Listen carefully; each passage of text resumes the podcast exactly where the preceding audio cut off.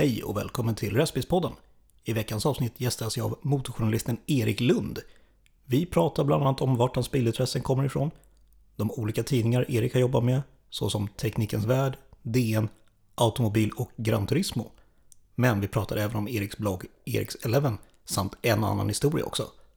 Avsnittet spelades in den 15 augusti. Trevlig lyssning.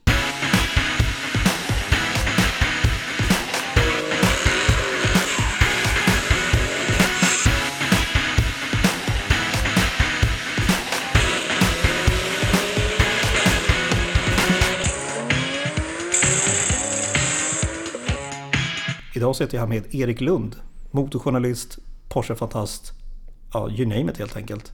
Hallå Erik, Hallå då. hur är läget? Det är bra tack. Kul att vara här. Ja, vad kul att du ville komma.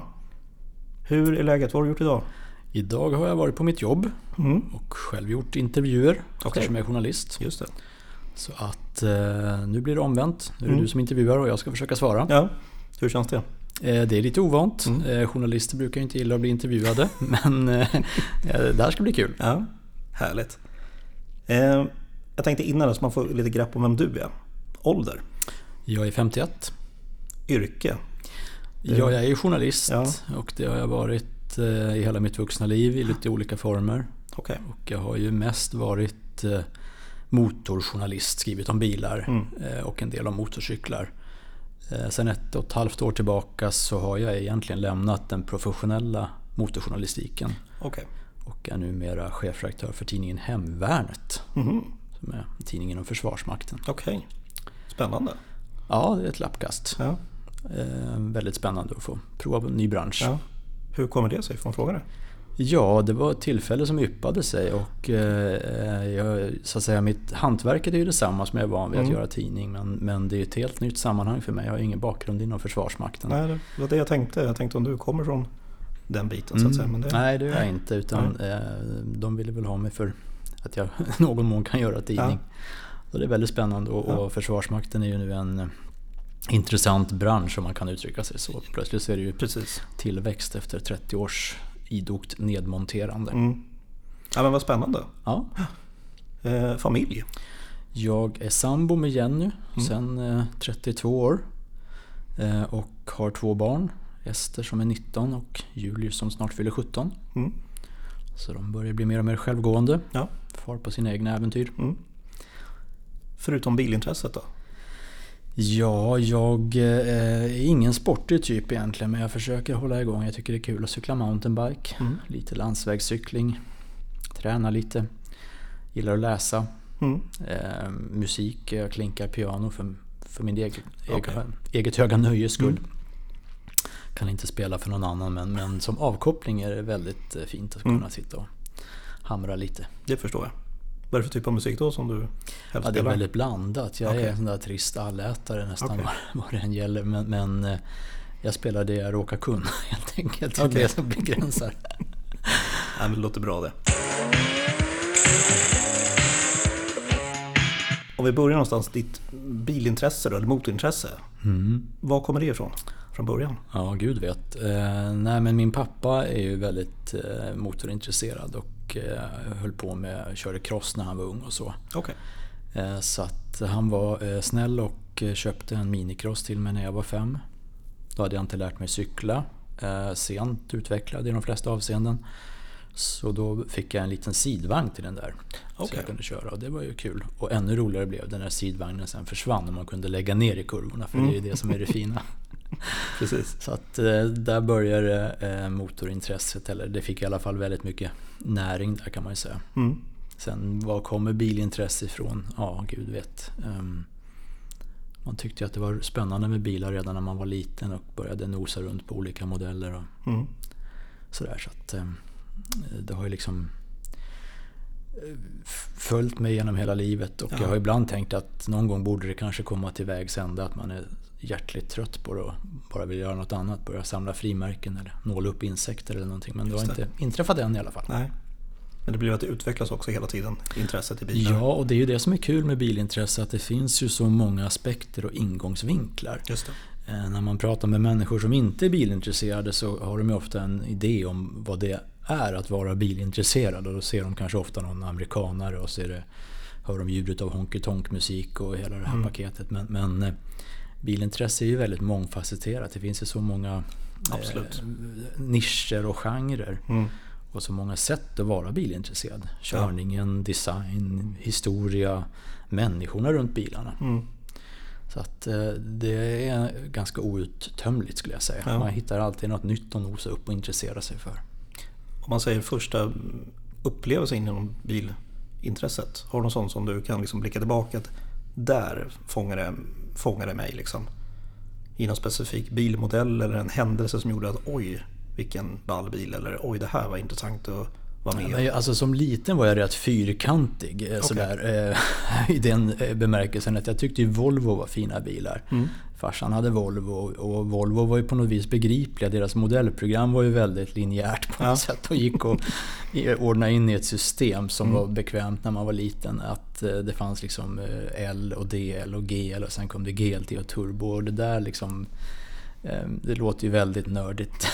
Men, och med svenska mått mätt då ganska förutsägbart att man Ja. liksom eh, fastnar för Volvos grejer. Mm. Men det var nog en ingång till mig. Jag tyckte ju liksom en, en mellanblå metallic Volvo 264 GL, Mm. det var ju det finaste som fanns. Ja. Sen har jag väl dessbättre vidgat mina vyer lite Mm. grann i alla fall. I färgmässigt då eller? Eller modellmässigt? Ja, både bilmärken och länder och Ja. färger. Men jag, jag gillar fortfarande mellanblå bilar, det måste Okej. jag säga. Ja. Mm. Kul. Om man pratar lite olika bilar som du har haft genom åren. Roliga bilar. Ja, det går ganska snabbt kan jag säga, för jag har inte haft så många bilar. Okej. Eh, Jag är ehm, rätt eh, långsam i vändningarna. Det finns ju många som, inte minst i min bransch, många kollegor som eh, drivs av det här att köpa och sälja bilar. Hitta Mm. fyndet, hitta det specifika exemplaret, nosa upp det, Just det. rädda det. Helst ur händerna på den första ägaren och alla Mm. dokumenterande papper finns kvar och sådär. Och så ska man ha den ett tag, sen ska man sälja och köpa något annat. Ja. Eh, Och det där är inte riktigt min grej. Okej. Eh, Jag förstår helt och fullt men jag tycker det, det här att köpa och sälja är lite jobbigt. Mm. Eh, Sälja bilar i synnerhet. Jag går hellre och rotfyller tänder brukar jag säga. Okej. än att sälja bilar och hålla på Okej. och schackra med någon som ska stå och sparka på däcken. Och Okej. Sådär. Så att eh, jag drar mig för det. Eh, men eh, jag har ju en bil som jag har ägt väldigt länge. Okej. Eh, Och det är min gamla Porsche 911. Mm. Som jag köpte för snart 23 år sedan. Okej. Och då trodde jag väl att jag skulle ha den något år eller två eller tre. Mm. Men ja, nu är det 23 år nu. decennier istället man Ja. får räkna. Vad är det för Porsche? Det är en vanlig Carrera 86 års modell. 86, sån här 3,2 med Ja. stor vinge bak på. Den har följt Snyggt. mig och eh, ja, Mm. jag vet inte om vingen är så snygg. Men, Jo, det tycker jag. Det tycker jag. men den, eh, jag tänker så eh, att den beställdes ju med den vingen en gång i tiden. Mm. Och då får den sitta kvar. Jag är heller inte sån att jag är så frälst på att bygga om och, och greja med bilar. Utan Original är...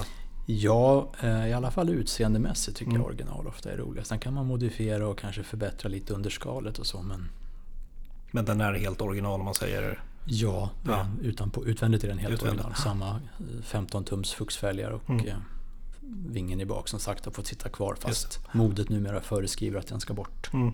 Nej, det tycker jag inte. Nej, Nej, det tycker jag inte. den får sitta kvar. Ja.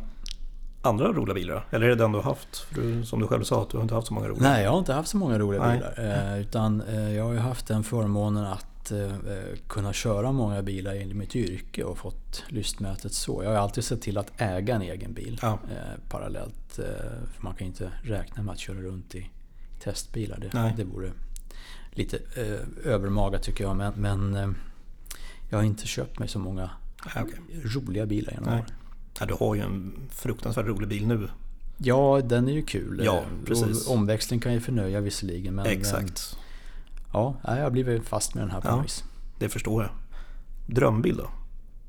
Ja, det där är ju en svår fråga. Det har ju, alltså, man återkommer ju alltid till de eh, bilar som eh, eh, präglade en när man var i formbar ålder. Mm. Det vill säga där 12, Ja. 14 år någonting. Så att eh, det är väl därför jag har den bilen jag har. Kanske Mm. att den var ju då i, i slag när jag var i, i just den där mjuka åldern eller vad man ska säga för att ta emot nya intryck. Sen Mm. blir man ju mer och mer stelnad i formen. Men eh, det är klart att eh, jag har ju svärmat mycket för en modell genom åren som heter Porsche 959. Ah, mm. Den kom ju eh, 1985 i sitt produktionsfärdiga utförande och började säljas 87. Mm. Och då var jag ju precis i rätt ålder, där 15. Och då föddes jag 87. Ja, du ser. Mm. Så du har, den har gått dig förbi. Precis. Ja. Ja, men den, den eh, Ja, är högt ja men det förstår jag. Mm. Jag måste bara ställa frågan, den Porschen du har idag. Var det liksom någon speciell anledning till att det blev just den modellen eller? Eh, Jag hade nog länge svärmat för att äga en sån. Mm. Eh, Sen var det faktiskt så, nu kommer vi återigen på det här med att köpa och sälja. Ja. Att det var faktiskt en god vän till mig som köpte den här bilen Okej. sommaren 2000. Jag var med honom. Han nagelfor den här ordentligt innan han eh, skred till verket och slog till. Ja. Och sen hade han den i något halvår och så frågade han mig inför vintern, kan den stå i ditt garage någon månad eller så? Ja, det går väl bra, sa jag. Och så stod den där och sen efter några veckor då kom det fram att den var till salu. Okej. För han hade då eh, snöat in på att han skulle ha en Porsche Boxster istället. Och då stod Okej. den redan i mitt garage. Ja. och jag hade ju då gått och prov, torrbrutit i den där någon Ja. gång ibland. Så jag tänkte att ja, det kanske är så att det, jag köper väl den då. Mm. Så att inte ens då var jag riktigt herre över situationen. Ett rö för vinden Ja. som driver hit och dit. Men det känns som att det, har väl, det måste ha betytt någonting i det läget då. Han frågar dig, kan bilen stå här under vintern? Han väljer att sälja den, du vill ändå ha en Porsche. Ja, det är Ja. klart. Han Ja. hade kanske en tanke med det från Precis. början, kan man ju misstänka. Ja, men vad, vad kul. Ja. Jag. Ja. Jag önskar bara det kunde hända en själv, men det kommer det väl inte göra. Säg inte det. Nej, vi får se. Din journalist, eh, ja, karriär då, om vi börjar där. Mm. Du är utbildad journalist? Nej, det är jag knappt. Okej. Eh, Jag har gått lite journalistutbildningar men inte Journalisthögskolan eller så. Nej. Vad började liksom, när bestämde du för att bli journalist? Ja, eh, jag, redan som liten tyckte jag väldigt mycket om att skriva. Upptäckte att jag tyckte att det var kul och att jag hade någon slags fallenhet för det. Mm. Redan i småskolan eller lågstadiet. Och eh, sen fick jag faktiskt praoplats på Teknikens Värld när jag var 14. Okej. Eh, och var där i två veckor och det var två väldigt roliga veckor för det hände mycket på redaktionen. Jag har ju Mm. sett prao-elever senare år som har kommit och de råkat tajma med veckor när det mest är att folk sitter och skriver på sina rum och då är det Okej. inte fullt lika kul. Men jag råkade tajma med att det var pådrag med tester och provkörningar och det hände grejer. Jag fick åka med på presskonferenser. Så att jag blev väldigt frälst och Mm. tänkte att det här vore ju någonting. Sen eh, då var jag 14 och sen sommaren när jag fyllde 15 så fick jag sommarjobb på redaktionen. Okej. Och då handlar det om den mer prosaiska delen av tidningsmakandet, det vill säga att sitta och skriva in radannonser, för då hade ju tidningen en sån här bilbörs. Mm. Folk skickade in små handskrivna lappar med bilar de ville sälja och bifogade någon oskarp och ofta felbeskuren bild. Ja. Så det knåpade jag med Mm. under somrarna då när jag var 15-16 sådär. Och eh, sen eh, sommaren efter när jag sommarjobbade då fick jag prova på att börja skriva i tidningen. Okej. Eh, Och eh, ja, det gick snett tidigt helt enkelt. Mm. Och jag har... eh, Ja, men jag är väldigt glad naturligtvis för att jag har fått vara med på den resan. Ja. Och inte minst, nu är jag ju så gammal, så att jag kan ju säga att jag har ju fått se en del olika skeenden av ska man säga, tidningsutvecklingen också. Just det. På den tiden satt ju folk fortfarande och skrev på skrivmaskiner. Mm. Och tidningen gjordes ganska manuellt. Ja. Och ja, fram till idag. Mm. Så det har varit en eh, ynnest tycker jag att få vara med på den resan och, och ja. uppleva det här. Jag tänkte på det när du satt där med de här annonserna och det. Mm. Kände du liksom att gud det här är så kul? Eller kände du bara, vad håller jag på med? Varför? Själva annonserna tänker Ja, precis. Att, ja, nej men då var jag så uppfylld av den Ja. glädjen att vara på redaktionen. Okej. Bara röra mig i den miljön. Mm. Och, och på den tiden då, ehm, att eh, som liten kille faktiskt, Mm. Gå runt med de här som jag tyckte nästan idolerna som Ja. jag hade sett i teknikens värld. Som testade bilar och hade de här Mm. tuffa testjackorna som var röda och gula på sig. Såg inte kloka ut. Men det var ju som deras testuniformer. Ja. Eh, Vilka var det då som... eh, Ja, men det var ju ett legendariskt gäng i mina ögon. Mm. Eh, En av de mer profilerade skribenterna var Björn Sundfelt Mm. som var testchef och senare blev chefredaktör några år. Han hade varit där i många år. Dag Hogsten som är en eh, av Sveriges absolut främsta stilister, alla kategorier skulle jag säga, men Ja. den abs- absolut vassaste i- inom bilskrået. Fantastisk skribent och en väldigt trevlig människa. Ehm, en kille som var precis nyanställd när jag kom som prao, det var Kalle Karlqvist. Okej. Eh, som eh, jag senare har fått förmånen att jobba med Mm. tight i flera konstellationer både på Teknikens Värld och andra tidningar. Ja. Och P.O. Källström var motorsportreporter, ung hungrig, var mest ute och flängde runt världen för att vara Mm. på Formel 1-lopp och sånt. Och, ja, Robert Collin som senare blev berömd när vi välte med A-klassen. Ja. Så eh, det var Alex Söderlind Mm. som eh, sen eh, många år nu är chefredaktör för Automotor och Sport. Just det. Han var ju ung reporter. Mm. Ehm, och, nej, men det var ett väldigt spännande och färgstarkt Ja, gäng. Många väldigt starka personligheter. Mm. Både i hur de skrev och hur de var som personer. Så att Ja. Jag gick runt där med stora ögon och öron och undrade hur har jag hamnat här? Mm. Ja, jag förstår det. Lilla Erik från Uppsala liksom. Ehm, och sen så var du kvar på Teknikens Värld. Hur länge? Ja, där, jag sprang ju där i korridorerna då under hela min skoltid. Ja. Jag tror att jag till och med står i något av betygen jag fick skrivet av någon av cheferna att jag tillbringade det mesta av mina skollov och en förfärande mängd skoldagar på redaktionen. Okej. Så att, det var väldigt kul att vara där Ja. helt enkelt. Eh, Men sen eh, när jag hade varit inne en sväng i lumpen och vänt och även gått en utbildning på en grafisk journalistisk skola ett år Mm. så började jag frilansa. Okej. Ehm, Medan mina mer begåvade kamrater sökte sig till universitet och högskolor så Mm. startade jag en liten enskild firma och började sälja mina tjänster. Och då jobbade jag inte så mycket för Teknikens Värld i början. Okej. Utan eh, skrev en del för Vi Bilägare faktiskt. Mm. Ehm, och eh, en del för tidningen Bike. Den hette då Superbike Mm. under en period. Så att, eh, ja. Spännande. Mm, Och eh, även lite jobba på dagstidningar och sånt. Tog vikariat. Mm. Om man säger de andra tidningar du har jobbat ja, som frilansare eller på och sådär. Vilka har det varit då? Ja, vi kan ju börja med de jag har varit anställd på. Då. Så jag blev eh, eh, i slutet på 90-talet anställd som motorreporter på Dagens Nyheter. Okej. Ehm, och eh, det var ju väldigt kul att komma in på en sån stor redaktion. Mm. Vara en liten kugge i ett stort maskineri där med.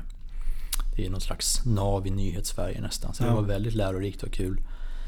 Eh, Men jag hann bara vara där knappt ett år så ringde Teknikens Värld och frågade om jag ville komma tillbaka och Okej. bli redaktionschef. Okej. Så då tänkte jag att det lät spännande att prova på en arbetsledande roll. Mm. Även om jag då faktiskt var lite så här. Okej, om jag nu tröttnar på bilarna, är jag kvar på Dagens Nyheter, då kan jag ju alltid sadla om internt och skriva Ja. om något helt annat. Just. Dödsannonser till slut eller Mm. vad som helst. Men går jag tillbaka till biltidning nu, då kanske jag är eh, fast där. Just det. Men eh, lockelsen var stark och jag har jobbat en hel del med dagstidningar men jag tycker nog ändå att det är roligare att jobba med eh, tidskrifter och magasin. Mm. Det är ett väldigt aptitligt format just med text och bilder i symbios. Och det finns inget så roligt tror jag i arbetslivet som när man är mitt i den här kreativa smältdegeln att eh, man har bilderna, man har texten och så jobbar man med en kreativ, duktig art director och det här gifts ihop till att Mm. bli attraktiva, spänstiga tidningssidor. Ja. Eh, Just den processen, det är bland det roligaste som finns tycker Mm. jag. Det tyckte jag när jag var ung och det tycker jag fortfarande. Mm. Nu har ju hantverket blivit lite, kan man säga, urvattnat så tillvida att ja, de flesta tidningar lever ju under knapphetens stjärna numera med ekonomiskt ganska strama. eh, Och det har ju tvingat fram ett annat, en slimmad produktion så att många tidningar görs ju lite mera mallat nu för tiden. Det är liksom färdiga boxar nästan som ska fyllas med en bild där och en text där och den får vara bara så lång för så säger mallen. Ja. Så att en del av det här kreativa hantverket har ju liksom eroderats ganska Okej. kraftfullt. Mm. Och eh, jag är ju rätt övertygad om att det blir ett, man säga, en självuppfyllande profetia nästan att tidningarna går sämre och sämre för att de Mm. blir ju mer och mer mallade och eh, så att säga mindre utlopp för kreativa eh, glädjeyttringar Just man det, säger. Så att, eh, Man sticker inte ut längre på samma sätt. Nej, som man gjorde förut. si- sidorna är ju mer och mer färdigritade från början. Ja. Liksom, och det, ingen regel utan undantag naturligtvis. Men Såklart. Eh, om man säger, mm, när du då började skriva din, om vi säger ditt första reportage som du skrev själv. Kommer du ihåg det? Ja, det gör jag faktiskt. Det var då när jag sommarjobbade på Teknikens Värld och var Ja. 16 år. Så fick jag eh, i uppdrag av chefredaktören Åke Borglund att eh, utreda varför polisen hade fått körförbud på alla sina BMW K75 polismotorcyklar. Okej. Och eh, det var ju liksom ett ganska stort uppdrag Ja. att börja ringa runt som 16-åring och rota i det där med Ja. ringa Rikspolisstyrelsen och intervjua någon där. Och, det, det, på den tiden så importerades BMW motorcyklar av ett företag som heter Rindars. Väldigt klassiskt svenskt motorcykelimportföretag som under Okej. många år hade just importen av BMW motorcyklar. Mm. Och det leddes då av en mycket profilstark och eh, karaktärstark herre som heter Bosse Rindar. Okej. Gammal tävlingsförare. Så honom ringde jag och intervjuade och eh, han, han var rätt hetlevrad. Mm. Så han sk- skrek, jag kunde hålla luren en halv meter ifrån huvudet kommer jag ihåg och han skrek Det har blivit masspsykos bland de där jävla snutarna. Och domderade där. Och jag var ju själaglad, jag bara antecknade allt han sa och kunde få Precis. riktigt fina citat. Ja. Menar, polisen var väl hans absolut viktigaste kund. Ja. Sen ska jag säga Bosse Rindar här då, när han hade sålt sin eh, MC-import några år senare så sadlade han om och blev motorcykelskribent på tidningen MC-nytt. Okej. Och en mycket rolig skribent. Han Ja. skrev en del krönikor som man fortfarande kan skratta åt om man tänker på Det låter som det. Mm, ja, men han, dels han hade en väldig klangbotten, hade kört så mycket och upplevt så mycket. Ja. Och dessutom en formuleringsglädje som slog frivolter i spalterna. Det måste vara bland det roligaste att ha någon som ändå kan uttrycka sig i skrift på ett roligt sätt men ändå på ett sätt som man förstår själva hur man upplever det. Ja, det är ju eh, det finaste som finns nästan tycker jag i den här branschen. När du då ska, liksom ska välja hur du vill skriva ett reportage, liksom, har du hittat en väg som du har gått själv som du liksom knixar igenom eller har du tittat på andra journalister hur de har skrivit och sen plockat upp lite grann därifrån? Eller hur har du gjort liksom för att hitta ditt liksom, signum med att det här är Erik som har skrivit den här texten, det ser jag. Liksom. Det är svårt att analysera sig själv egentligen men det är ju uppenbart så att jag är väldigt påverkad av de som jag själv läste när jag var grabb Okej. och som jag i några fall även har fått förmånen att jobba med som vuxen. Mm. Eh, Där det finns väldigt många eh, skickliga skribenter som eh, just har ett personligt tilltal i sina texter. Men ett personligt tilltal som inte ställer sig i vägen för det som ska berättas. Mm. För det är ju lätt att anlägga en stil eller ett maner som sen nästan tar död på det som skrivs. Okej. Eh, Mm. Och eh, där gäller det att eh, hitta sin röst. Mm. Och andra får väl bedöma om jag har gjort det om, jag, om det går att läsa mina texter. Mm. Men eh, det är ett väldigt lustfyllt hantverk tycker jag, just det här att skriva. Och eh, biltidningar, när de är som bäst, är ju någonstans i skärningspunkten mellan att ha ett konsumentgranskande, eh, det lät ju lite torrt, men ändå uppdrag att eh, faktiskt testa och värdera bilar, recensera och våga säga vad man kommer fram till. Ja. Eh, Men också ett nöjesuppdrag. Att de flesta som läser vill ju faktiskt bli underhållna i någon mån. Mm. Och eh, när man kan kombinera de där två storheterna, att vara fullständigt seriös i sin analys av bilen, eh, objektiv och så, att nagelfara produkten. Mm. Men eh, ändå skriva på ett sätt så att man visar entusiasm. Ja. Det är det allra roligaste tycker jag. Mm. Eh, Men sen måste man ju naturligtvis rätta tonläget efter vad det är man skriver. Skriver jag, Såklart. om jag jobbar på en nyhets, dagstidning och ska skriva en vanlig nyhetstext. Mm. Då ska ju den vara väldigt rak och neutral. Då ska ju inte Precis. skribenten synas så Nej. mycket. Men om jag skriver ett biltest i Teknikens Värld så har man ganska stor eller någon annan biltidning i Sverige så har man Mm. ganska stor möjlighet att eh, vara lite mer personlig. Ja. Eh, som sagt, du har ju nämnt då Teknikens Värld och sådär. Vilka andra tidningar har du varit med och jobbat med så att säga? Ja, efter Teknikens Värld, eh, där några år i början på 2000-talet, så blev jag chefredaktör för en tidning som heter Automobil. Mm. eh, Som ju var också en av de klassiska svenska biltidningarna, startade 1982. Okej. Och eh, den hade ju lite mera profilering på sportbilar, nya och begagnade sportbilar, klassiska sportbilar och GT-vagnar och lite lyxigare bilar. Okej. eller entusiastbilar i vid bemärkelse Ja. kanske man kan säga. Det är bra namn. Men inte ombyggda bilar utan Nej. så att säga vanliga standardbilar. Så det var ett uppdrag jag hade i 4-5 år eh, och sen gick jag till tidningen Gran Turismo, Okej. Gunnar Ackervalls tidning. Mm. Jobbade med det gänget i några år eh, och frilansade sen ett antal år för dem också. Sen var jag eh, under en eh, följd av år TT Nyhetsbyråns bilrecensent. Jaha, okej. Så att jag skrev biltester inom citationstecken. Det Mm. var ju inga mätningar och sånt där utan bara subjektiva intryck. Och de texterna hamnar ju då i lokal och regionaltidningar runt Mm. landet. Vilken tidning har varit roligast att, att jobba för? Det är en svår fråga. Eller som du känner att här fick jag ut väldigt mycket av mitt material, här har jag lärt mig mest och sådär. Man menar, teknikens värld på den tiden var ju en väldigt fostrande plats för Mm. mig. Med att jag nästan växte upp där. Ja.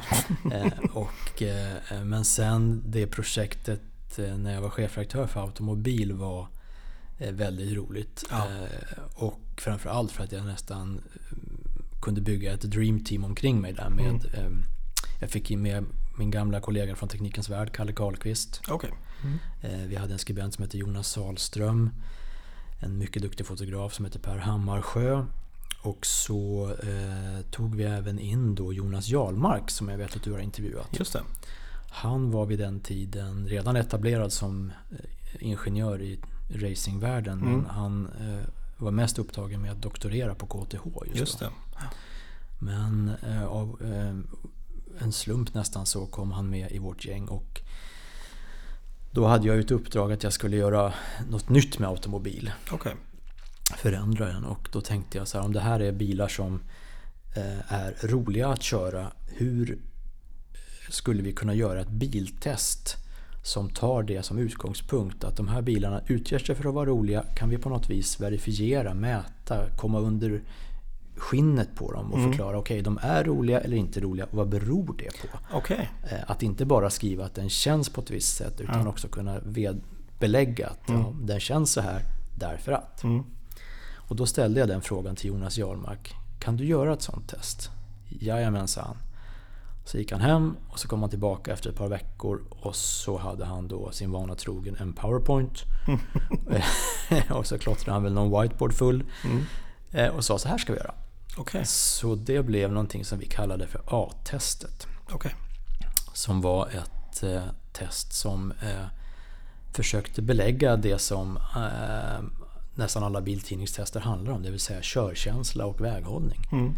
Eh, vi mätte bilarna. Hur de faktiskt presterar. Ja. Ehm, och det där låter ju torrt och det var ganska torrt. Det blev mycket grafer och siffror i tidningen Mm. eh, som säkert fick eh, en del läsare att rygga tillbaka. Men eh, det fina med det vill jag hävda var ju att siffrorna och graferna fanns där men vi klädde ju det sen i ord. Just det. Och vi kunde ju då just komma under skalet på bilen. Den här känns på ett visst sätt att köra. Okej, Mm. det gör den därför att. Ja. Vi kunde leda i bevis genom våra mätningar som vi gjorde. Dels på ett flygfält där vi körde diverse mätningar med bilarna. Och eh, ganska ofta så var vi på Gotland Ring och körde Okej. och utvärderade bilarna där Mm. också. Vad var det för bil som var säger, första testet som ni gjorde? Kommer du ihåg det? Vilken? Jajamän, det var BMW M5 E60 ja, med Okej. V10. Ja. Det var den första vi gjorde. Och som referens då, eftersom vi, hade, vi var ju tvungna att ha någon, så att säga, någonting att mäta den emot. Just det. Så hade vi med en Porsche 911 Carrera 997 En eh, Mercedes E55 AMG och tror jag en Volvo V70 T5 för att liksom få en, Okej. en någon mån vanlig bil som Ja, referens. Också, så, att man bör, så kunde vi sen börja sortera in alla Mm. testbilar vi körde utifrån de här som Okej. jämförelser. Just det. Hej! Marcus här från Racebiz-podden. Ledsen om jag stör mitt i avsnittet. Men jag vill egentligen bara påminna dig om att du har inte missat att Racebiz-podden finns både på Instagram och på Facebook också. Gå med också så får du de senaste nyheterna. Du kan nu också supporta Racebiz-podden genom att köpa lite t-shirts. Gå in på Instagram eller på Facebook-sidan för mer information. Tack för din tid. Fler tidningar då? Om man säger som du har varit inblandad i och jobbat på. Ja, men som frilansare jobbar man ju för många olika tidningar. Mm, precis. Eh, Men då är det mer att man kanske levererar en text eller text och bilder och så, eh, så att säga, är det ju en redaktion som tar hand om det. Ja, Men jag jobbade ju många år med Gran Turismo. just det. det Vilket du. var ett väldigt roligt projekt också. Då var jag ju eh, inte i någon ledande befattning där men, men var med som skribent. Och det var en liten redaktion så det var ju ett ganska tajt samarbete. Ja, Och där kunde man ju verkligen ta ut svängarna eh, med vinklarna på artiklarna. Mm. Eh, eftersom den ägnar sig inte åt biltester i, i den bemärkelsen utan mera upplevelser och, och resor. Och, och man kunde liksom hitta sin eh, utgångspunkt för att beskriva en bil nästan lite hur som helst. Historiskt eller design. Eller, ja, det var väldigt fritt fält att jobba Mm. på. Så det var också roligt ja. Där måste du ha ganska många historier från kan jag tänka mig. Från den tiden på Gran Turismo. Ja, men det var ju en del roliga resor och så man fick Ja. göra också. Inte minst eh, åka ibland och köra till exempel BMW, plocka ut ett gäng bilar ur sitt museistall. Mm. Köra långresa eh, med klassiker BMW M1 och 507 och vad det var. Eh, Så att, nej men det var roliga år, Mm. verkligen. Det förstår jag. Då tänkte vi skulle prata lite grann om, säger man Eriks 11? Ja, jag tror det. Ja. Vad är det för någonting? Ja, det är om, vi börjar där, vad är Eriks 11 Ja, för vad är någonting? det för någonting? Det är min lilla pysventil i vardagen brukar jag säga. Okej. Min lilla lekhage. Mm. Ehm, eh, jag gick och funderade då eh, att jag hade tyckte jag så mycket historier om eh, Porsche-bilar som jag har kört genom Mm. åren. Och jag har min egen gamla 911 så tänkte jag men jag kan ju kanalisera några av dem eh, med att blogga lite bara för mitt eget höga nöjes skull. Ja. Ehm, Så jag startade en liten blogg och, vad ska den heta? Ja, Oceans Eleven fanns det ju en film som hette. Då kan väl den här heta Eriks Eleven då tänkte jag. Så att eh, det är ett eh, hobbyprojekt Mm. eh, i skärningspunkten mellan hobby och yrkesverksamhet kan man ju säga. Ja. Eh, Eftersom det en, innefattar ju ändå att jag har varit motorjournalist i många år och Precis. hållit på med det professionellt. Så jag har ju jag skriver ju inte någonting som jag inte har lust med. Nej. Utan bara för mitt eget höga nöje. Och, Det märks i när man läser de texter som du skriver att du gör det verkligen för ditt eget mm. nöjes skull. Liksom. Och i bästa fall så kan det vara kul för någon annan. eh, Men just att också rota i gamla historier. Och Mm. eh, jag, jag försöker få med också mitt intresse för och kärleken till, ska jag säga, eh, tidningar. Ja. Jag tycker det, alltså biltidningar har ju präglat mitt liv. Mm. Och med, har ju betytt så mycket för mig. Och jag tycker det är väldigt roligt just att lyfta fram gamla tidningsutgåvor eller enskilda artiklar som andra har skrivit också. Mm. Som har betytt någonting för mig. Där så att säga, det finns något mer än det man ser med blotta ögat kanske. Att här det. finns det exempel på ett fint hantverk eller det här utmärker sig på något sätt. Mm. Att, eh, jag gillar att botanisera i sånt. Ja, men det förstår jag kör ju lite nya bilar och skriver om också. Ja. Tanken är att det kan vara en blandning där Mm. Ja, Jag gillar din också. blandning som du säger. Det är en bra blandning liksom, nya och gamla. Eh, extrem Porsche-bilar, lite äldre som bara ja, kör runt liksom, på landsvägen och sådär. Mm. Ja, det ska ju vara eh, ganska otvunget och Mm. eh, anspråkslöst i min melodi. Mm. Om vi säger när du då bestämmer för att om du till exempel nu vill jag skriva om en specifik Porsche-modell. Mm. Jag gissar att du har ett bra kontaktnät.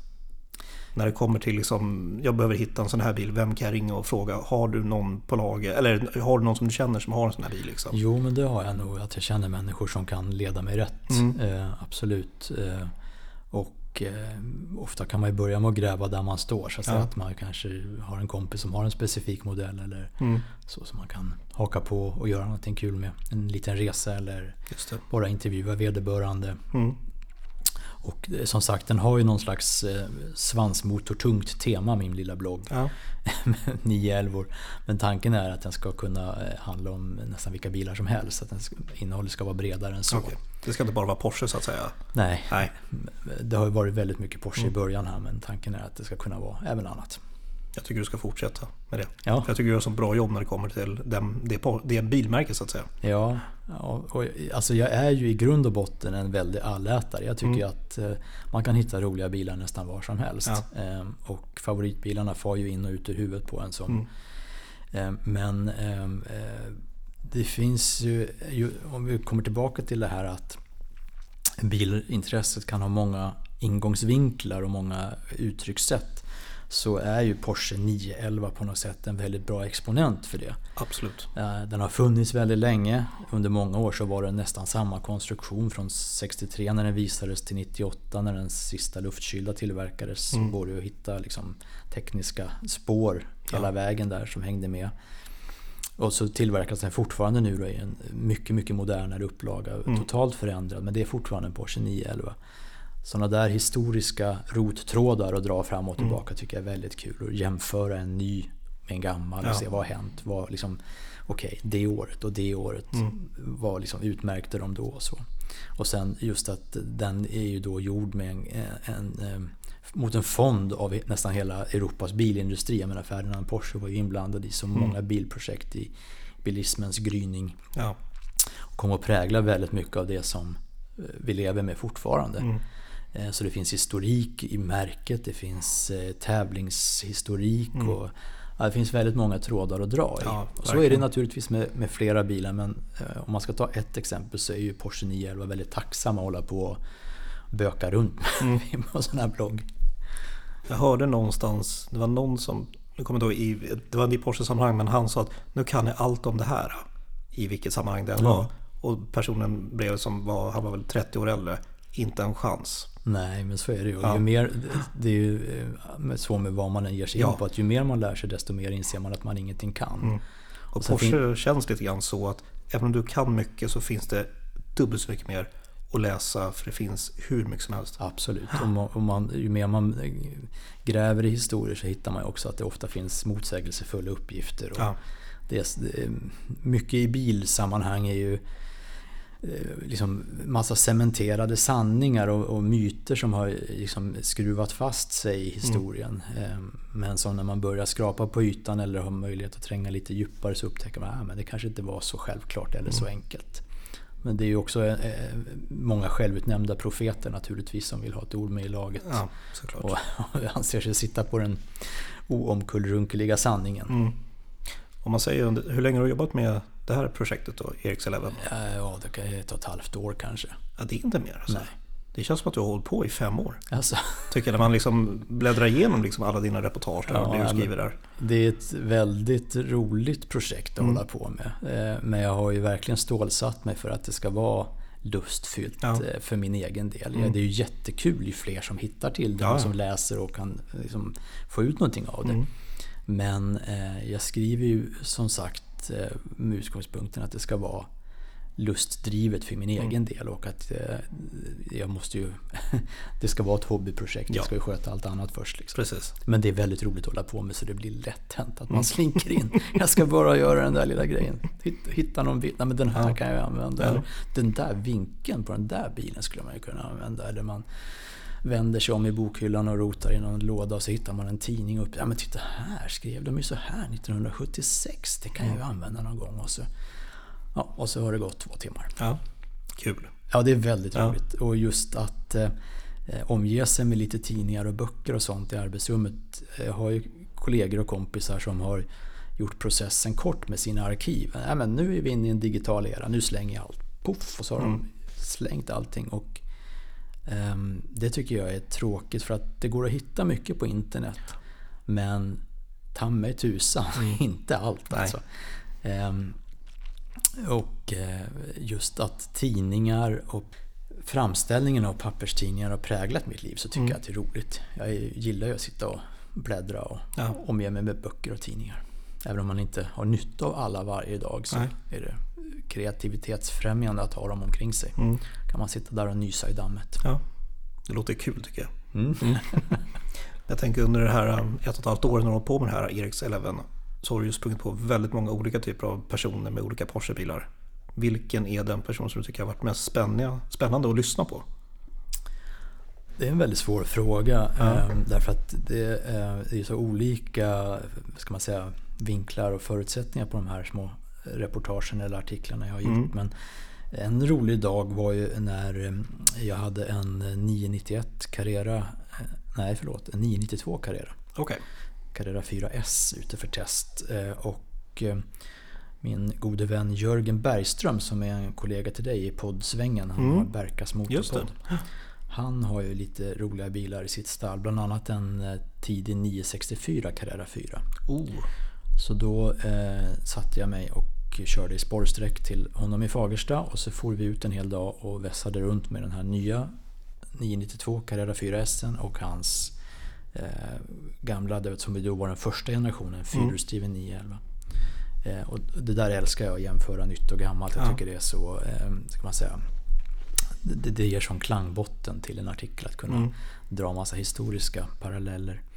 Eh, Och när vi åkte eh, in i Ludvika tror jag det var och stod och skulle köpa en glass så hör vi ett välbekant ljud. Ehm, Och plötsligt då, den här, båda de här Porscharna vi hade med oss, hans och testbilen var röda med svart inredning. Mm. Och vad kommer runt hörnet om inte en röd med svart inredning fast en 1969 års 911 Nej, med ett äldre par i och parkerar bakom. Så plötsligt stod det då tre röda 911 med svart inredning från totalt olika epoker. Ja. Så det var en liten rolig anekdot. Sen eh, i, eh, nu i våras så åkte jag och två kompisar med deras bilar ner till Skåne. Och jag hade lite, eh, ska man säga, historisk exkursion i spåren av DP Cirkelbach. Eh, DP Motorsport var ju ett tyskt företag som byggde karosskit till Porschar på 70-80-talet. Bland annat åt Kremer Racing som ju tävlade i 935 år i Le Mans, vann Ja. Le Mans 79. Och eh, under några år i slutet på 80-talet så fanns det alltså en svensk avläggare i Hässleholm, eh, DP Motorsport, under ledning av en kille som heter Josef Cirkelbach Okej. som byggde om Porschar på löpande band och sålde runt hela världen. Då Oh. när det fanns gott om pengar. Ja. Och folk eh, ville ha en eh, frän Porsche men med pop-up-lampor istället för de här vanliga strålkastarna och breddade bakskärmar och Ja. jättesvullna däck. Ehm, och, eh, eh, så då var vi nere och eh, reste runt lite i Hässleholmstrakten och träffade folk som samlade på DP Porsche och folk som hade Okej. jobbat med det och så. så att det där har jag skrivit lite om på bloggen också. Den måste jag in och läsa. Mm. Den har inte jag läst ska jag säga. Jag har läst några stycken men inte den. Den måste jag läsa. Det finns en eh, rolig pandang där också till Teknikens Värld. Därför Ja. att 1987 så körde Teknikens Värld ett rekordförsök, eller en rekordkörning Okej. med ett antal bilar i olika klasser, motorklasser eh, på flygande kilometer Mm. på en då nybyggd men icke öppnad del av E4 norr om Gävle. Okej. Eh, Och eh, då körde dåvarande testchefen Björn Sundfeldt en sån här DP Porsche Mm. Eh, med, eh, ja, man kunde ställa laddtrycket i den så den hade mellan 580 och 720 hästar tror jag. På 1987 var det ganska bra. Det är extremt då. I synnerhet som den här aktuella exemplaret då inte var modifierad vad gällde bromsar eller väghållning. så den var nog en handfull. Men han körde då i snitt repor eh, fram och tillbaka i 315 drygt. Ja. Och, eh, och det blev då det absoluta svenska hastighetsrekordet som Ja. stod sedan några år. Så att, eh, där finns också en koppling till DP Motorsport och Mm. DP Cirkelbach. Som sagt, vi har pratat väldigt mycket bilar, motorsport och sådana saker. Men har du intresse för hur man säger, biltävlingar och sådana saker? Har du liksom något sånt som du åker iväg på och tittar på? Eh, Jag har konstigt nog eh, aldrig varit särskilt intresserad av motorsport. Okej. Eh, Själva tävlingarna och så. Mm. Jag kan njuta av det och se det både på TV och live. Live Ja. är naturligtvis ännu roligare eftersom man får lukten och känslan tredimensionellt på Just något det, sätt. ja. Även om TV-mediet är kanske effektivare. Mm. Eh, Men eh, liksom det här tävlingsmomentet fäster inte riktigt på mig. Däremot tycker jag att det är otroligt eh, fascinerande med eh, förarna och hur de eh, så att säga trakterar sina instrument. Om man ser bilen som ett Mm. instrument. Att bli en virtuos på att framföra instrumentet. Det tycker jag är jättefascinerande Okej. att eh, i synnerhet om man får chansen att åka med någon som verkligen kan köra bil och inser hur det går att utnyttja det här ganska eh, marginella greppet ändå som de här fyra däcken har mot Ja. asfalten. Vad man kan göra med det om man är lyhörd och har talang och erfarenhet att just eh, ta ut maximalt av det här redskapet. Just det det. tycker jag är jättefascinerande och kan verkligen njuta av både att se och uppleva själv.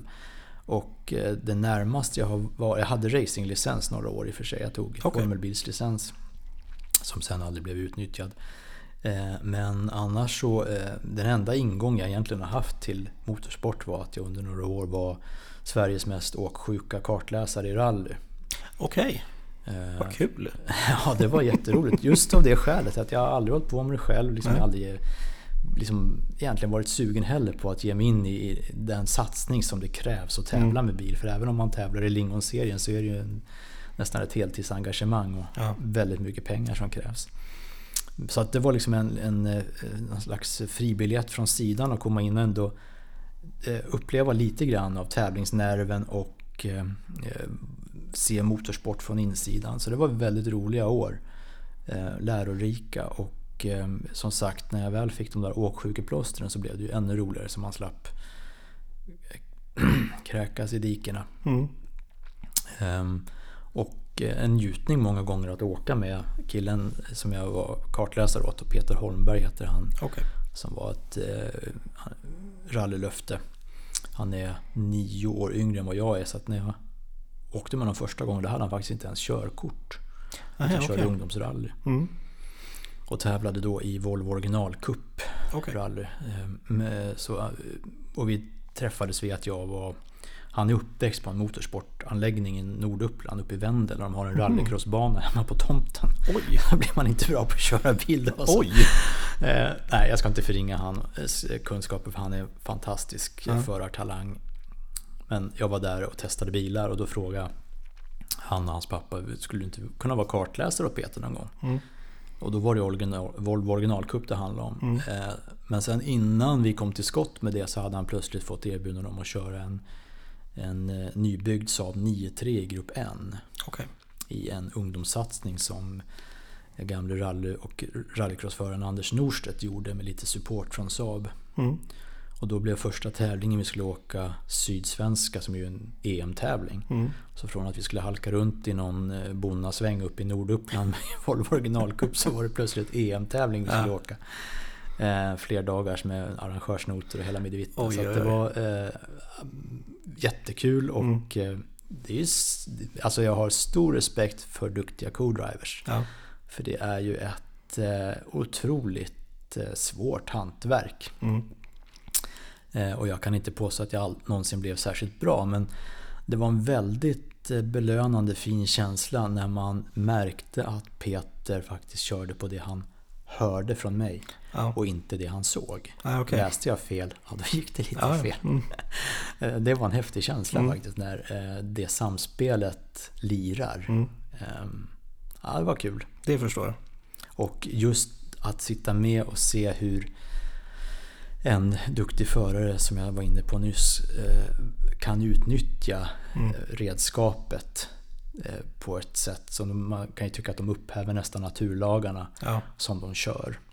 Och, och racing är häftigt tycker Mm. jag, men rally är ju mycket häftigare. Mm. När det handlar om att betvinga ett stycke vanlig väg Just som det. är avlyst och enkelriktad. Men det är ändå en vanlig väg med alla de prövningar som det medför och, oförutsägbarheten. Mm. Eh, jag tycker att det är väldigt fascinerande. Och få, jag har även åkt med några professionella förare på ännu högre nivå. Och, Mm. och där, men det är ju en njutning tycker jag att få se hur de, hur de eh, trakterar sina instrument. Ja. ja, men vad kul att höra. Men alltså, då måste jag då ändå fråga, när du då får frågan där, vill du vara kartläsare? Mm, hur dum kan man vara, tackar jag. Har du liksom hållit på med orientering, alltså något sånt som Nej. ändå gör att du kan hantera en karta tänker jag? Nej, inte alls. Nej. Eh, Utan det, vi började ju eh, traggla och läsa noter. Ja, eh, på vägar som han hade noter till. Eh, Så vi Mm. åkte och eh, eh, det är ju, just som jag var inne på nyss, det här att få samspelet med föraren och ligga rätt med noterna. Att inte vara för tidig och inte för sen och vara Precis. tydlig. Och, eh, vilket är ganska svårt tyckte jag. Betona olika för att få markera att här händer något Mm. dramatiskt. Nu måste vi eh, agera på ett visst sätt. Eller eh, ge förtroende att här är det visserligen ett krön, ett blint krön och det är någonting som liknar en kurva men du kan faktiskt hålla fullt över här. mm. Det, ja, det är en konstart i sig. Ja. Som sagt, eh, duktiga co-drivers är ett släkte för sig skulle Mm. jag säga. Men då kan du ha det på ditt CV, att du är co-driver. Ja, eller var i alla fall. Eller var. Eller jag lever inte på de meriterna längre. Jag förstår. Men, men jag har faktiskt tänkt att någon gång om jag får chansen att hoppa in i en bil Mm. med någon förare som då eh, kanske inte måste vinna just den tävlingen. Att få åka med igen skulle vara ganska Ja. roligt. Om jag bara hinner köpa åksjukepiller först. Just det. Det är det första som liksom åker, åker på, så är det det. Absolut. Om man säger under alla de här åren som du har jobbat med motorjournalistik och så, så gissar jag att du har sprungit på en och annan människa som du kanske anser som en idol eller en förebild som du är väldigt inspirerad av.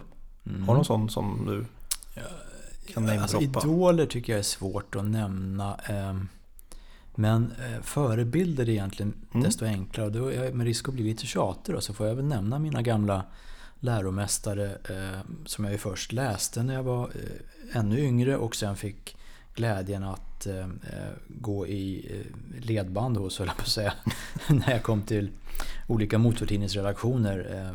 Dagge Hogsten, Ja, Björn Sundfeldt, Gunnar Ackevall, Kalle Karlqvist. Alla har betytt väldigt mycket för mitt sätt att eh, skriva och Mm. eh, också eh, alltså säga, förhållningssättet till hantverket att vara motorjournalist. ja. Vad som är högt och lågt och viktigt och oviktigt och hur man förhåller sig till ämnet. just det. Det är ju många som kanske, om man ska vara lite föraktfull, skriver och mest tackar för maten när de recenserar en bil. Men, men det här är ju... eh, Jag är fostrad i en skola där man faktiskt skriver det man tycker. Ehm, Och försöker ha belägg för det i någon mån. Men, Mm. men, och att det finns ingen som helst motsättning mellan att vara väldigt krass i sin analys av en bil eh, och, och att samtidigt vara 100% bilentusiast. Att eh, man kan älska både den aktuella bilen och bilen som fenomen men också vara eh, kritisk och Mm. ifrågasättande. Ja. Ehm, Så att eh, det är inte bara ett skrivande hantverk utan det är ju också ett, någon form av förhållningssätt och angreppsvinkel på som jag har fått med mig av de Mm. här och fler. Det går inte att nämna alla men, Nej. men det här är fyra som jag kommer på nu Ja. som har betytt mycket för mig. Mm. Bra. Då kommer frågan så här. Är du någons idol eller förebild som du, om man säger de yngre journalisterna och så här som har kommit fram till där jag har sagt Erik, du är min förebild. Det är därför jag skriver om motor, eller motor, ja, för motortidningar då och sådär. Eh, Ja, alltså eh, jag har fått höra ibland att, att eh, yngre skribenter kanske tycker att jag skriver på ett lättsamt och trevligt sätt. Mm. Eh, Men jag hoppas att jag inte är någons idol. Det vore väldigt förmätet. Nej, men du förstår min fråga. Ja, absolut. Ja, Nej, ja. Men, eh, det, jag vet inte något specifikt fall så kanske. Men, men Nej. eh, det vore ju jättekul om någon som är yngre tycker att eh, jag på något sätt har bidragit till att de har lockats in i yrket eller eh, sett hur man kan hålla på med det eller Mm. själva hantverket, hur det utförs. Det vore väl jättekul men, men det är ingenting jag går och tänker på. Så att, Nej. eh, Du står ute och skriver autografer någonstans. det händer väldigt sällan. Okej. Mm. Om man säger framtiden då? Med eh, de olika uppdrag du har och din blogg och sådana saker. Hur ser det ut? Ja, vem vet. Eh, eh, framtiden yrkesmässigt är ju nu att jag, som jag nämnde tidigare, då jobbar inom Försvarsmakten med. Den här tidningen som ges ut av något som heter Rikshemvärnsrådet. Mm. Eh, och det, det tänker jag hålla på med ett tag. Mm. Det tycker jag är väldigt intressant och spännande. Eh, Min lilla blogg, eh, där är jag ju verkligen så att jag försöker lägga band på mig. Okej. att, att den inte får ta för mycket tid Okej. i mitt liv. Men, men samtidigt så är det ett väldigt roligt projekt. Mm. Som, men det är en njutning att hålla på med. Det är en liten, min sambo kan ibland säga men nu sitter du ju vid samma datorskärm som du sitter på dagarna. Vad Ja. är det för en avkoppling? Mm. Men det är ju något annat när man skriver för sig själv och man eh, så att säga, har ett helt fritt mandat att eh, göra vad man vill Mm. låta bli att Ja. göra något som man inte har lust med. Eh, Så att det är en väldigt kreativ, kreativ och lustfylld process tycker jag. Att Mm. Även om det inte är en papperstidning så är det ju ändå att eh, sammanföra bilder och texter i någon slags komposition som i bästa fall går hand i hand och bär en historia sammantaget. Just det. Det, det ja, man låter lite högtravande så det har ju på något sätt blivit mitt liv. Mm. Att eh, just hålla på med den, eh, det hantverket. Jag tycker det är lika roligt nu som när jag var grabb och gjorde en skoltidning som jag terroriserade skolan med. Mm. Um, obstinat och uppkäftig elev mot lärarna. Jag tänkte när du nämnde din sambo där. Har hon något liksom, ja, bilintresse i det här? Att ni liksom ändå kan ha det ihop eller? Nej, Nej. hon är inte särskilt eh, bil eller motorintresserad. Men Nej, hon har alltid stått vid min sida och följt mig och tyckt mm. att det varit roligt att och, så att säga eh, hänga med på, på det som mm, ska man säga, mitt intresse och mitt yrke då har, ja. Har gett. Så att vi, när vi eh, var yngre så åkte vi ganska mycket motorcykel. Okay. Hon åkte bak på, vi kajkade runt i Europa på semester mm. och sånt där. Det tyckte hon var kul och, och sen har hon ju glatt följt med i olika bilar. Men det är inte så att hon ber om att Nej, okay. kan vi ut och åka bil en söndag. Okay. Hon frågar inte, får jag ta Porschen? Sådär, eller? Nej, hon tycker den är lite bökig att köra. Och okay. det, det, där är väl också en grej att um, jag tror att um, många som um, inte är så insatta i bilar mm. uh, och inte riktigt vet vad som är liksom en uh, lyxbil och en sportbil och ja. en, liksom en Rolls Royce eller en Merca eller en Porsche. Liksom, allting mm. är bara bil. dyra fina bilar mm. kanske någon tycker. Um, många blir nog ganska förbluffade tror jag när de kommer in i en sån här gammal 911. Ja. För det är ju en ganska eh, primitiv och lite råbarkad upplevelse mm. Där. I synnerhet om man kör den så är det ju eh, ganska kärvt och lite eh, så att säga, den ger ingenting gratis. Nej. Det finns ju inget lyxigt i upplevelsen. Eh, som man kanske kan tänka sig att det ska gå väldigt tyst mm. eller eh, det ska vara mjukt och behagligt ja. och, sådär. Utan det är ju eh, lite väldigt analogt. Det finns ingen styrkärv och växellådan måste man ju lyssna in vad mm. man gör. Man kan inte bara slita i växlarna som man kanske kan göra med en modern bil utan att det, det händer någonting. Utan man måste trimma sig samman med, med, med bilen på ett mm. annat sätt. Och det är det som jag tycker är kul. Det är ju en förhöjd upplevelse i min mm. värld. Och tror jag de flesta som håller på och joxar med gamla 911 ja. Det är ju det man är ute efter, den här lite kärva, råa känslan. Mm. Men för den som då tror att det är någon slags fancy lyxbil så blir ju eh, kontrasten ganska brutal ja. tror jag. Eh, Jenny, min sambo, hon har kört den eh, en hel del men hon tycker inte att den är så himla kul. Okay. den är mest bänglig och bökig tycker ja. hon. Eh, och just att jag alltid, ja men ta det lugnt, du får inte växla för snabbt från ettan mm. till tvåan och tänk på att koppla ur ordentligt. Och mm. Inga ABS-bromsar så är det blött så måste, ja, allt det där. Ja. Nej, det är skönare att köra vardagsbilen. Men det är väl det som är skillnaden också, att när du tar Porschen och ska ut på vägarna, där kör du bil. Så är det. Mm. Annars så åker du bil, man tar en ny bil i dagens läge. Liksom. Mm. Det är väl det som är skillnaden. Ja, och, och det kanske har med stigande ålder att göra. Att man tycker att det blir roligare och roligare med det här eh, ännu enklare. Det ja. behöver inte vara 700 hästkrafter och massa stödsystem och, och prestation och det maximala väggreppet. För mm. det är inte det som ger körglädje tycker Nej. jag. Eh, det kan också vara kul.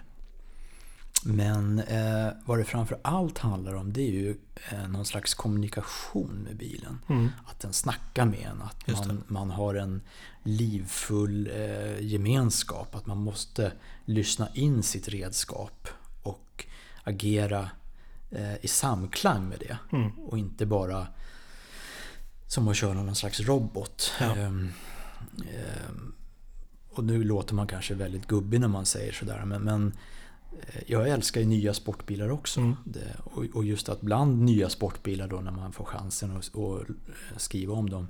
Leta efter den här mera eh, genuina känslan. Kan man, eh, är det här en bil som snackar med mig? Den kanske har en blixtrande prestanda. Eh, enormt väggrepp. Mm. Men den kanske är en död sill. Ja. Vad gäller själva körupplevelsen. Det kan ju vara låta som man är lite prinsessan på ärten när man, man säger så. Att, ja, den här bilen som eh, har alla egenskaper på pappret den är faktiskt ganska ja, livlös. Kanske. Ja, mm. Eh, men precis så är det tycker jag. Mm. Eh, Och det är väl lite grann det min blogg är tänkt att handla om också. Just att gå på någon slags eh, nyfiken upptäcktsfärd. Mm. Och se var finns de här bilarna? Både bland äldre bilar och nyare bilar. Tre tips till en som vill bli journalist, eller motorjournalist kan jag väl ta. Vad skulle jag säga det, de tre tipsen är? Ehm, ja, ehm, förutom de mest självklara, att det är bra om du är intresserad. Ja. Ehm,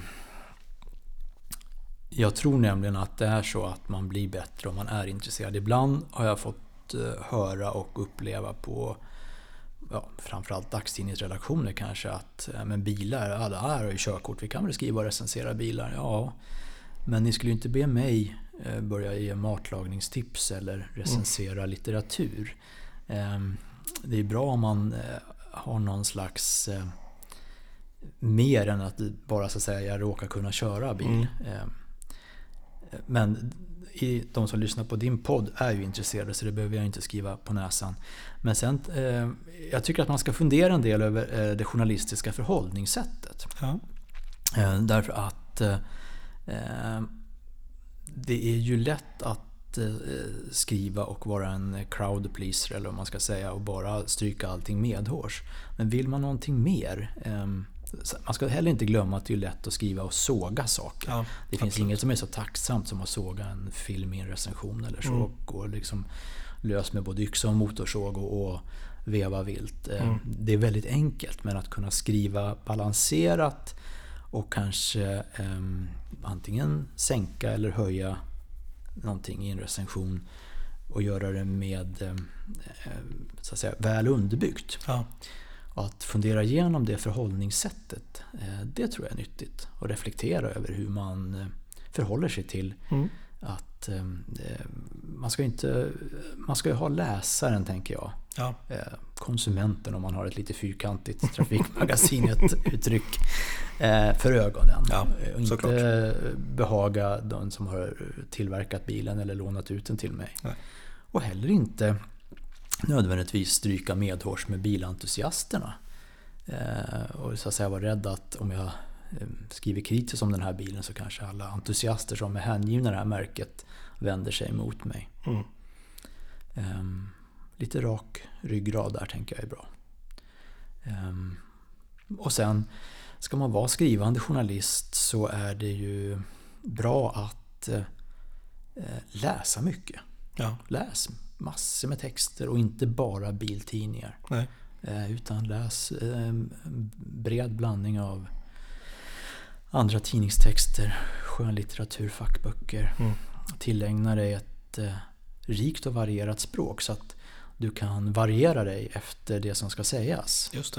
Ehm, Att du kan rätta eh, tonläge och eh, måla med rätt sorts färger vid rätt Mm. tillfälle.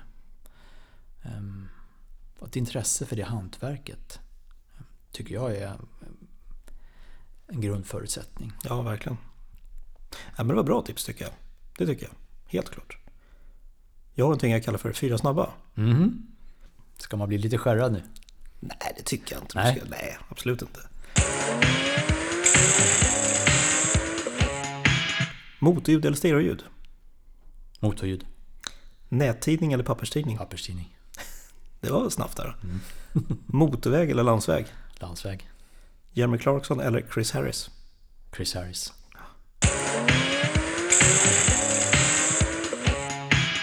Vad skulle du säga är din bästa respektive mindre egenskap som ja, motorjournalist eller journalist kan man väl ta? Jag tänker, men du har ju bytt tidning, Mm. tidningsspår nu. Ja, och genom åren har jag jobbat en del på dagstidningar och skrivit Ja. om allt möjligt också. Så jag, jag, men det har ju mest varit bilar och motorcyklar. Mm. Eh, Men, nej, men den, min sämsta egenskap, eh, jag är ju ingen vidare skjutjärnsjournalist egentligen. Alltså, Okej. så här att eh, eh, stä- ställa mot väggen och vara tuff och så. Men eh, samtidigt så tycker jag att eh, bara för att jag inte är det så, så kan jag inte fly de uppdragen. Utan man måste som journalist också faktiskt ikläda sig den rollen ibland Ja. och våga vara skarp och eh, inte ge sig när någon försöker slingra sig. Eller... Men det är inte så lätt. Det, och eh, det finns de som är betydligt bättre på det än vad jag är. okej. Mm. Min bästa egenskap, det är ju ännu svårare att svara på. Um, nej men det är väl kanske att jag har någon slags passion för det här eh, hantverket, mm. skrivande, en lust och um, det får ju andra bedöma men kanske någon slags fallenhet också för att uttrycka mig i skrift. Tycker att det är roligt eh, och man kan ju ständigt förbättra sig. Ja. Eh, det finns ju inget slut på det.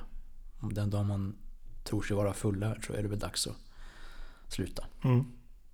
En fråga då tänker jag, om du då har skrivit en text och sen så går den i print, säger man mm. kanske inte längre. Ja. Och sen så när du läser den själv, har du någon gång känt att vad sjutton har jag skrivit någonting, det här, kan ju, det här är ju så dåligt. Ja, absolut. Ja. Um, yes.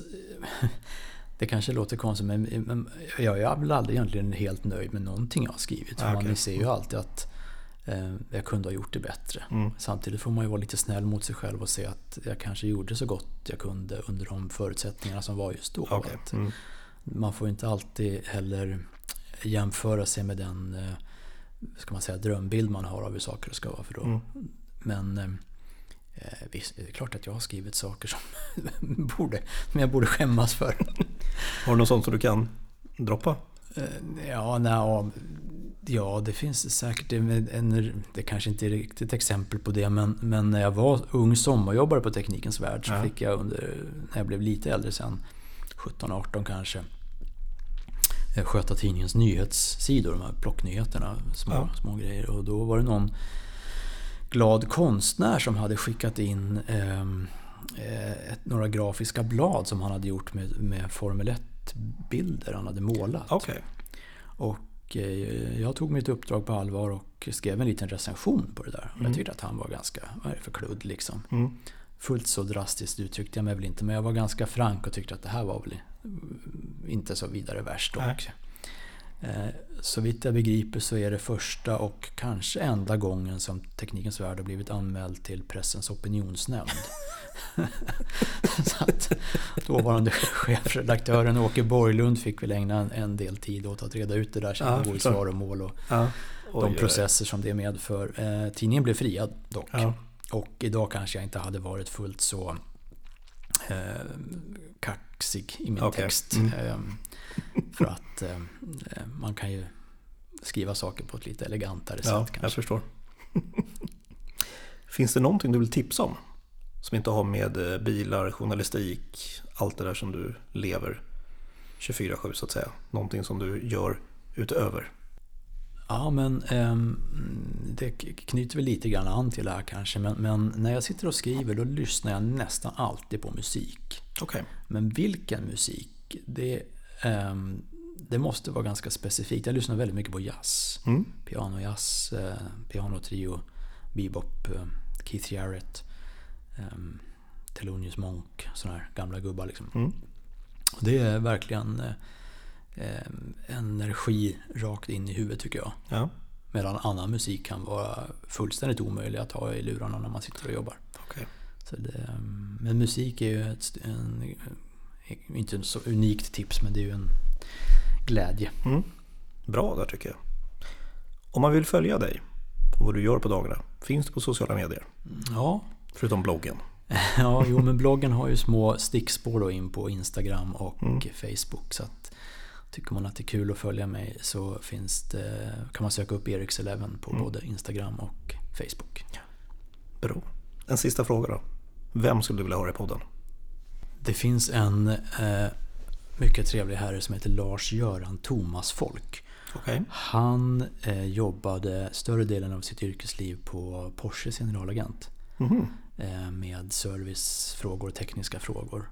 Och var med under eh, de här fantastiska åren när Porsche eh, verkligen expanderade på den svenska marknaden. Okay. Men han var också eh, på 60-70-talet mekaniker åt bland annat Björn Valdegård och Åke Bryggan Andersson. Oj!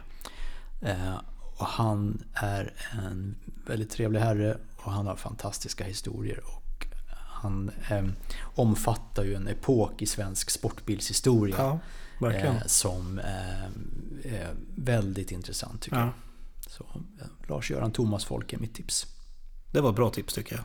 Där finns det en annan historia att höra. Garanterat. Ja. Men Erik, jättekul att du ville vara med. Stort och, tack för att jag fick vara med. Ja, och lycka till med din blogg och på, vad, vad heter tidningen sa du? Vem?